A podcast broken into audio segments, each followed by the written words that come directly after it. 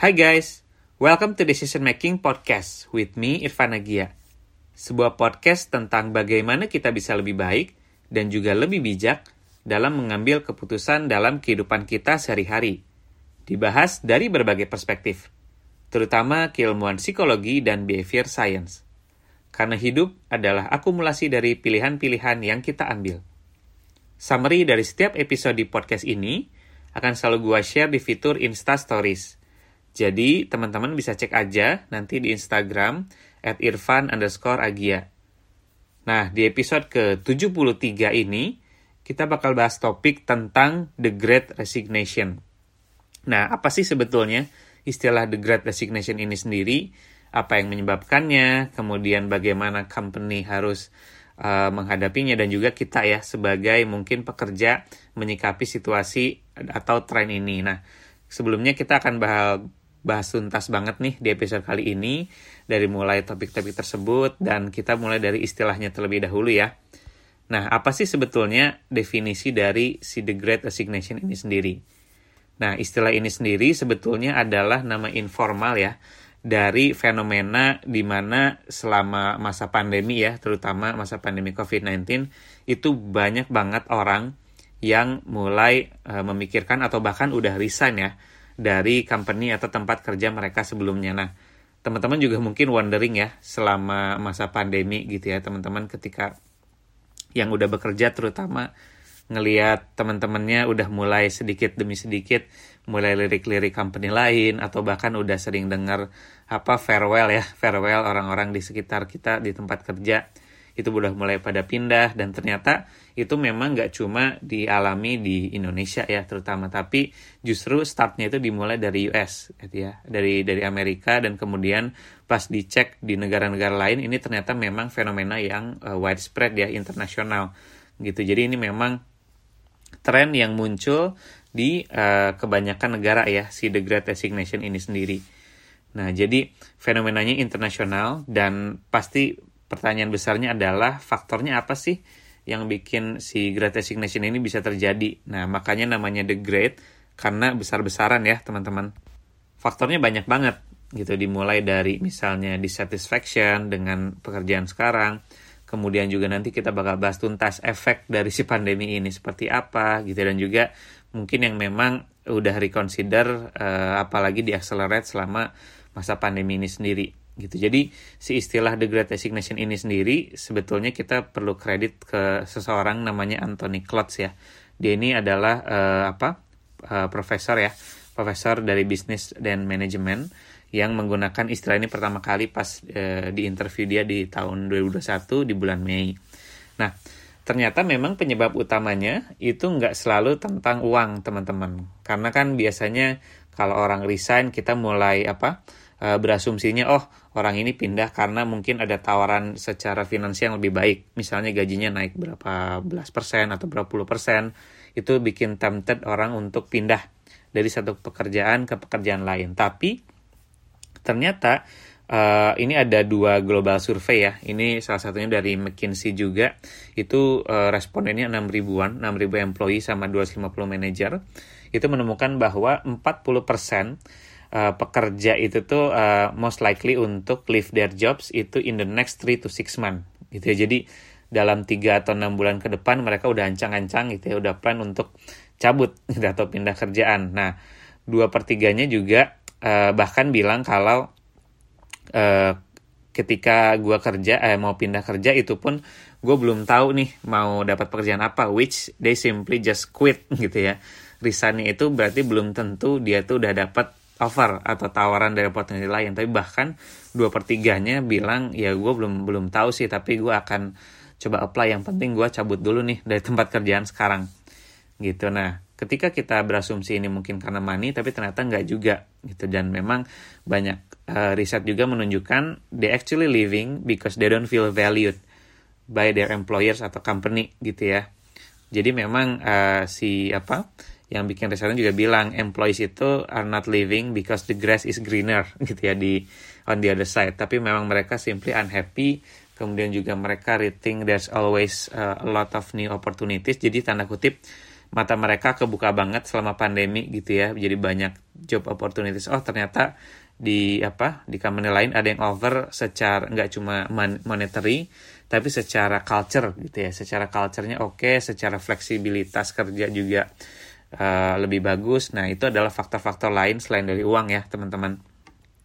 Gitu. Dan memang ini uh, selain dari personal reasons mereka banyak juga yang unsatisfactory nih sama treatment dari uh, company mereka selama pandemi. Nah ini membukakan mata mereka juga. Jadi mungkin teman-teman juga uh, satu dan lain hal juga mulai menyadari gitu. Ketika pandemi setiap company itu punya treatment yang berbeda-beda terhadap employee-nya. Kayak contoh cara gampangnya adalah bagaimana mereka menentukan jam masuk kerja atau juga mungkin kewajiban untuk uh, eh, WFO misalnya ya.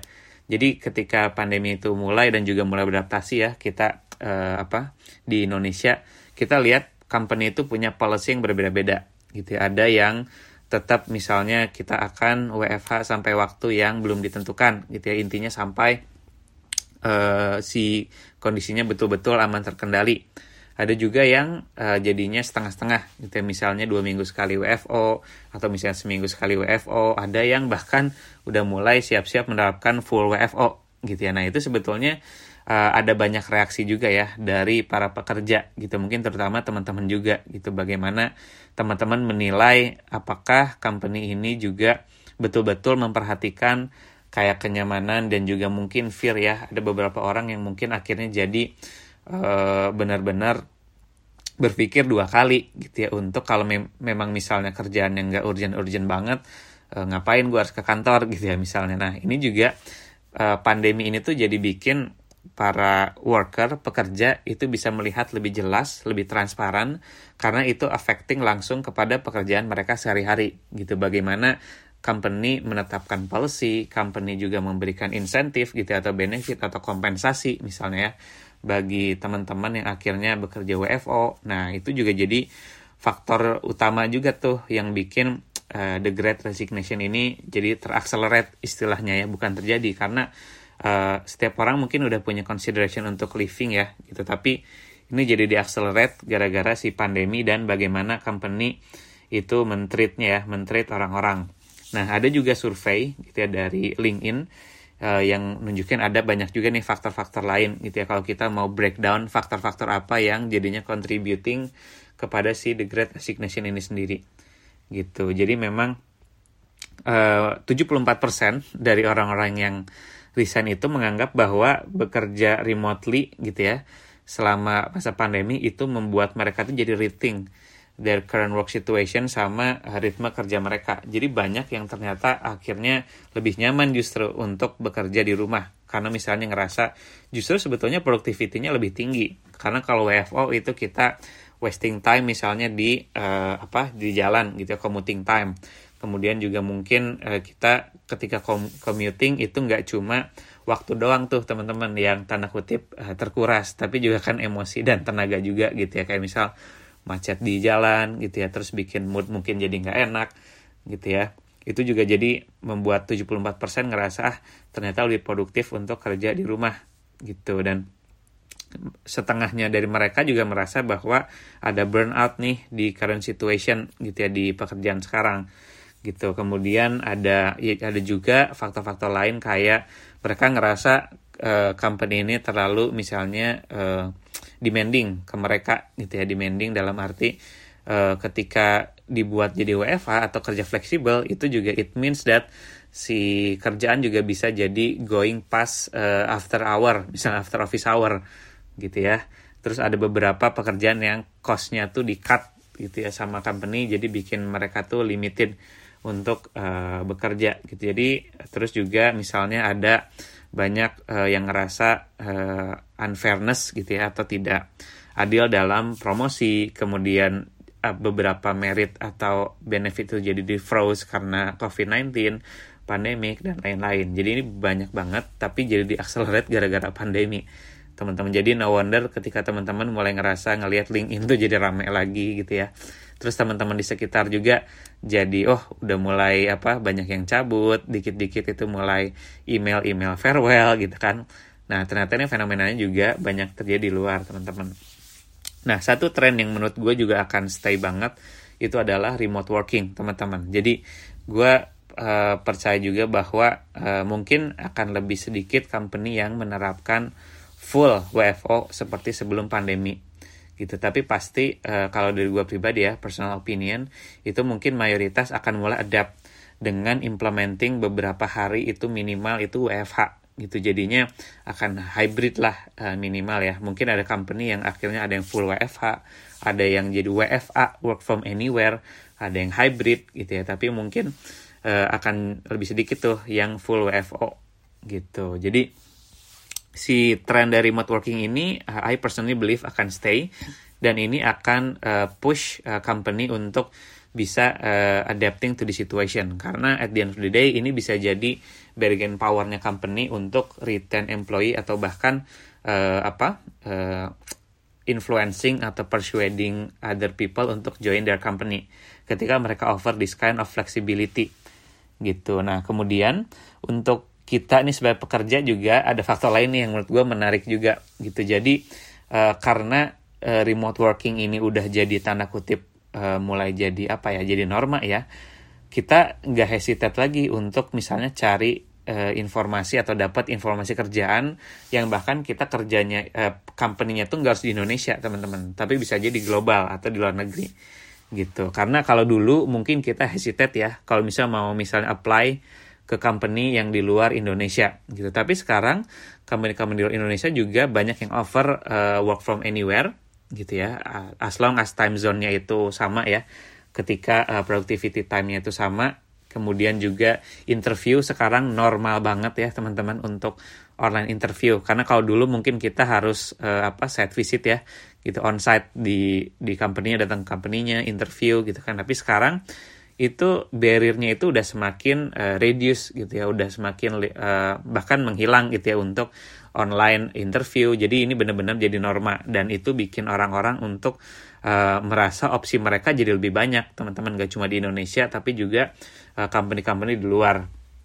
Gitu. So, yeah, it has never been easier for employee to find out about new job opportunities uh, anywhere in the world sebetulnya. Jadi actually sebagai pekerja it's exciting times ya teman-teman. Karena tanda kutip kita udah borderless, kita juga udah lebih bisa dapat info lebih banyak gitu ya. Try new things gitu ya untuk apply di luar negeri. Saya who knows gitu kan. Nah sekarang pertanyaannya adalah uh, what companies can do to adapt nih? Gimana perusahaan atau uh, yang menawarkan pekerjaan itu bisa adaptasi dengan uh, fenomena ini? Karena uh, fenomena ini tuh impactful bangetnya justru ke company teman-teman. Jadi ini jadi uh, apa uh, turnovernya jadi tinggi banget. Jadi company itu harus punya strategi untuk retention. Ya ngeriting lagi bagaimana strategi untuk ngeritain employees gitu. Jadi mungkin kalau dulu uh, para apa ya mungkin uh, eh, HR kemudian juga mungkin uh, company mungkin nggak perlu worry as much as this time gitu about their workforce gitu kan karena misalnya kita udah uh, misalnya HR gitu ya atau company bikin uh, company culture, company values gitu ya, corporate culture. Nah, mereka juga udah punya tanda kutip, oh iya cukup nih misalnya satu tahun atau dua tahun itu uh, orang gitu ya udah bisa mulai menyerap si corporate value ini. Tapi mungkin sekarang employee lifetime value-nya gitu ya udah mungkin menurun ya makin ke sini. Mungkin kayak orang ngerasa dua tahun itu udah cukup gitu ya di di company atau bahkan setahun udah cukup. Mereka juga udah mulai open untuk pindah. Jadi ini akan challenging sekali untuk HR dan juga company untuk bisa retain employee karena at the end of the day itu butuh waktu ya untuk uh, adjusting the culture untuk bisa jadi apa ya kita mempertahankan star employees kita untuk lebih lama bekerja di tempat kita gitu ya. Nah, jadi sekarang ini bisa apa ya? Company yang bisa adaptasi dengan situasi ini memberikan uh, apa uh, offering yang oke okay, gitu ya, bikin orang mau stay lama itu bakal jadi uh, competitive advantage banget nih. Gitu. Jadi ada survei juga lagi nih di bulan Mei 2021 dari HBR Harvard Business Review itu nemuin bahwa 54% dari employee itu around the world gitu ya, ini global global survei itu akan consider leaving ketika mereka nggak dikasih flexibility gitu ya dalam bekerja. Nah, ini juga pertama ini tanda kutip udah jadi kewajiban nih buat company untuk siap-siap memberikan uh, flexibility in terms of uh, where and when they work gitu ya untuk para employee. Karena itu akan jadi uh, bonus poin banget untuk uh, company tersebut gitu ya. Kemudian yang kedua itu terkait rewards atau financial incentive gitu. Jadi ada beberapa company juga yang mulai untuk memberikan customized package ya untuk financial gitu. Kayak contoh misalnya ada ada package untuk uh, tanda kutip misalnya uh, insentifnya itu atau gaji. Misalnya gaji mau dibayarnya apakah per bulan atau per minggu itu bisa gitu ya. Ada juga tuh. Dan mungkin teman-teman pernah dengar di Indo sendiri ya ada ada company yang beberapa company mulai menerapkan WFA work from anywhere. Ada yang bahkan kerja cuma Senin sampai Kamis gitu ya Jumatnya libur. Terus ada yang mulai mengcustomize incentive package gitu. Jadi itu salah satu contoh juga tuh bagaimana company itu akan adjusting karena itu akan menjadi tanda kutip value yang mungkin nggak ditemukan di company lain which orang-orang akan jadi hesitate untuk pindah. Aduh kalau di kerjaan yang sekarang gue udah enak nih kerja cuma empat hari seminggu misalnya atau kerja bisa di mana aja work from anywhere. Gue punya flexibility untuk bekerja. Itu bikin orang jadi malas juga untuk pindah karena sudah punya uh, apa value yang mungkin jarang ditemukan di company lain. Seperti itu teman-teman. Nah, kemudian juga uh, company pun juga perlu uh, untuk tetap ada hybridnya ya tanda kutip untuk engaging with uh, employee gitu kan. Perlu ada something uh, atau some activities untuk bonding. Kenapa? Karena memang uh, psychologically akan berbeda ya teman-teman. Untuk uh, suatu tim yang bonding hanya via online tanda kutip gitu ya. Mungkin company juga akan perlu adjust. Ada beberapa yang mungkin ada offline activities yang mungkin uh, maybe uh, once in two months atau once in a month gitu ya untuk bonding gitu ya. Terus juga uh, non work related itu juga untuk strengthening the relationship between manager dan juga employee-nya. Dan juga mendekatkan diri dengan uh, company culture ya of course. Seperti itu. Nah nah kemudian untuk kita sendiri nih itu kan tadi tentang company ya. Nah kalau kita sendiri uh, sebagai uh, employee gitu atau yang cari kerja gimana nih kita managing this kind of situation. Actually ini a good thing ya untuk uh, dari sisi pekerja atau employee gitu. Ya. kenapa? Karena tren ini global gitu ya. Jadi uh, tanda kutip ini company nih yang harus adapt gitu ya dengan uh, apa kebutuhan yang udah mulai menjadi norma ini. Nah uh, actually the great resignation ini bisa jadi opportunity buat teman-teman untuk rating sebetulnya atau reevaluate gitu ya reevaluate pekerjaan teman-teman sekarang seperti apa how your company treats you apakah sesuai dengan value teman-teman atau enggak kemudian career laddernya seperti apa dan apalagi sekarang exposure dari job information ke kita itu udah mulai lebih luas teman-teman. You can actually uh, apa uh, go gitu ya lip leap the faith gitu ya untuk uh, try new things gitu ya. Coba misalnya apa apply di pekerjaan di luar negeri misalnya atau interview luar negeri. Actually it's a good experience gitu ya. Ketika teman-teman walaupun nanti misalnya apa tanda kutip belum diterima tapi you get the experience to uh, do online interview with global companies gitu ya. Exercising your interview skill misalnya. Jadi kita juga sekarang melihat company udah mulai transparan untuk menunjukkan benefit apa yang di offer. Contohnya kalau di LinkedIn tuh teman-teman sekarang udah ada notesnya pekerjaan yang tanda kutip hybrid atau remote working. Nah itu juga sebetulnya mempermudah kita sebagai employee untuk uh, rating our uh, value, rating our preference gitu ya, preference kerja kita seperti apa. Sekarang company udah mulai uh, memberikan label gitu jenis pekerjaannya dan bahkan uh, beberapa company itu transparan nanti gajinya itu range salary-nya berapa gitu ya. Jadi actually this trend uh, will help us untuk get a clearer trend, get a clearer message about how company will offer us their uh, benefits, their culture, apa sesuai dengan value kita dan lain-lain sebagainya. Jadi actually it's a good thing for us as an employee. Tapi uh, my suggestion adalah ketika teman-teman mau resign, uh, if if possible, you actually have choices gitu ya. Jangan sampai misalnya uh, kalau memang tidak apa ya kalau memang tidak terpaksa banget atau something urgent uh, I advise you to at least if you want to resign you have uh, choices gitu udah tahu mau ke mana. Atau bahkan lebih bagus lagi udah dapat uh, concrete offer on the table gitu. Karena at the end of the day you must uh, grateful gitu ya ketika teman-teman punya pekerjaan di masa pandemi ini gitu. Karena banyak juga teman-teman yang lain gitu ya yang mungkin terkena dampak pandemi gitu ya yang mungkin belum bisa bekerja